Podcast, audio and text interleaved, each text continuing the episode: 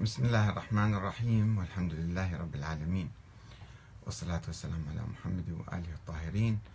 ثم السلام عليكم أيها الأخوة الكرام ورحمة الله وبركاته.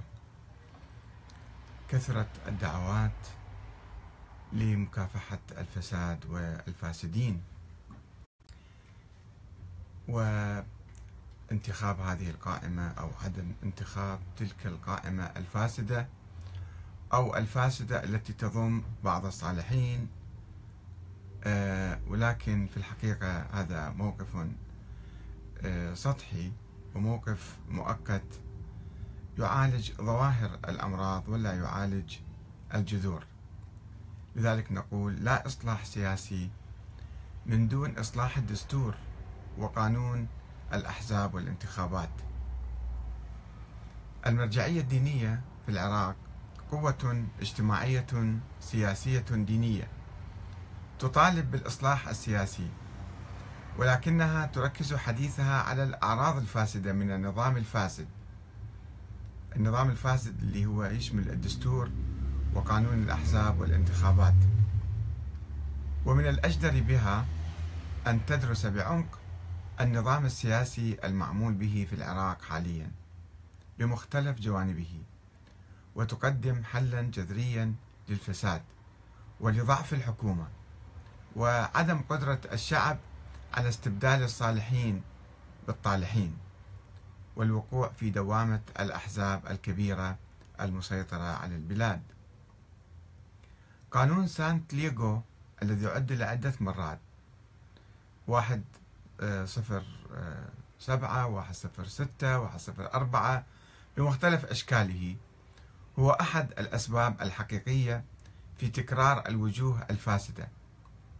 وقد كان الأولى بالسيد السيستاني أو من يريد الإصلاح حقا أن يضغط على مجلس النواب من أجل تغيير الدستور وتحويل النظام من برلماني ضعيف يعيش المحاصصة إلى نظام رئاسي قوي وموحد. وكذلك إصلاح قانون الانتخابات سانتياغو الفاسد والمنتج للفساد الذي يعيد الفاسدين والفاشلين ولا يسمح للقوائم الصغيرة أو المستقلين بالفوز في مناطقهم بدلا من إطلاق شعار المجرب لا يجرب الذي لا يقدم ولا يؤخر. شعار عام غير مفهوم غير محدد غير واضح.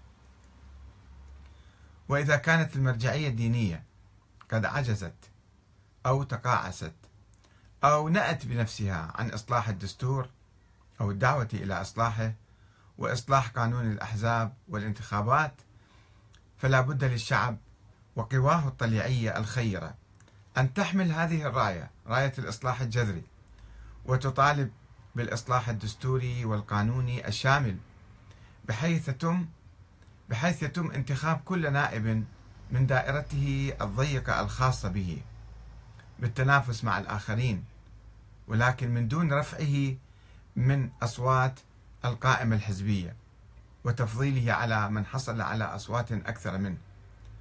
والعمل من أجل بناء نظام سياسي رئاسي قوي وطني ديمقراطي لا يحتاج إلى تدخل المرجعية الدينية كل يوم. وقد مضى على هذا النظام حوالي 15 عاما وجربناه في عدة دورات وتبين أن النظام فاسد وليس آه، الأشخاص فقط. فلا بد أن ندرس هذا النظام جيدا. الآن الانتخابات على الأبواب بعد أيام ولا يمكن إصلاح أي قانون أو إصلاح أي دستور. ولكن لنعمل من أجل المستقبل في الدورة القادمة سواء المرجعية أو أي واحد يفكر بالإصلاح يبدأ بالضغط على النواب لإصلاح الدستور. الأخ آه، خالد صادق يسأل يقول شيخ أحمد وهل من الصحيح التطرق إلى قانون الانتخابات قبل أسبوع من إجراء الانتخابات؟ ألا ترى أن هذه الخطبة خطبة آه، السيد السيستاني يوم الجمعة الماضية آه، هي إسقاط فرض لكثر أيضا نادى بإصلاح قانون الانتخابات. آه، لكثرة كلام الشارع العراقي عموما في ضرورة التدخل. ولا تعلم هذه النسبة من الناس أنهم لو يعتمدون على عقلهم وإدراكهم لكان أسلم لهم عند الله ممن يدخلهم في دهاليز وطلاسم الكلام الذي اعتدناه حينما يحمى يحمي الوطيس. الأخت مهستي خودة تقول كلامك جدا منطقي وأؤيدك لكن للأسف المرجعية الدينية لم تكن صريحة أبدا. فلربما أنها لا زالت تعيش عصر الحاكم الطاغي صدام وتخشى على نفسها من الانتقام والتنكيل. ولا, ولا أعتقد ذلك. أعتقد في غفلة ونوع من الابتعاد. الأخ المهندس مهدي الحسن يقول نعم لا إصلاح سياسي بدون إصلاح الدستور وقانون الأحزاب وقانون الانتخابات. أبو حسين الجبوري يقول رأيي المتواضع أن العراق والعراقيين سيعانون ويتخبطون ربما لقرون إلى أن يصلوا إلى الاقتناع بالقول المشهور دع ما لقيصر لقيصر وما لله لله كما حدث في الدول الغربية.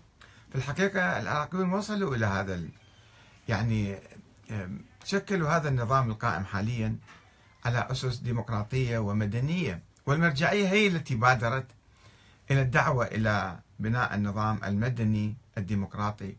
ولكن يتم أحيانا فعلا بعد ما قرينا هذا النظام نشوف يوميا مثلا تدخل من المرجعية والأحزاب التابعة للمراجع. وهذا ما يفسد العملية ويؤخر الإصلاح الحقيقي. والسلام عليكم ورحمة الله.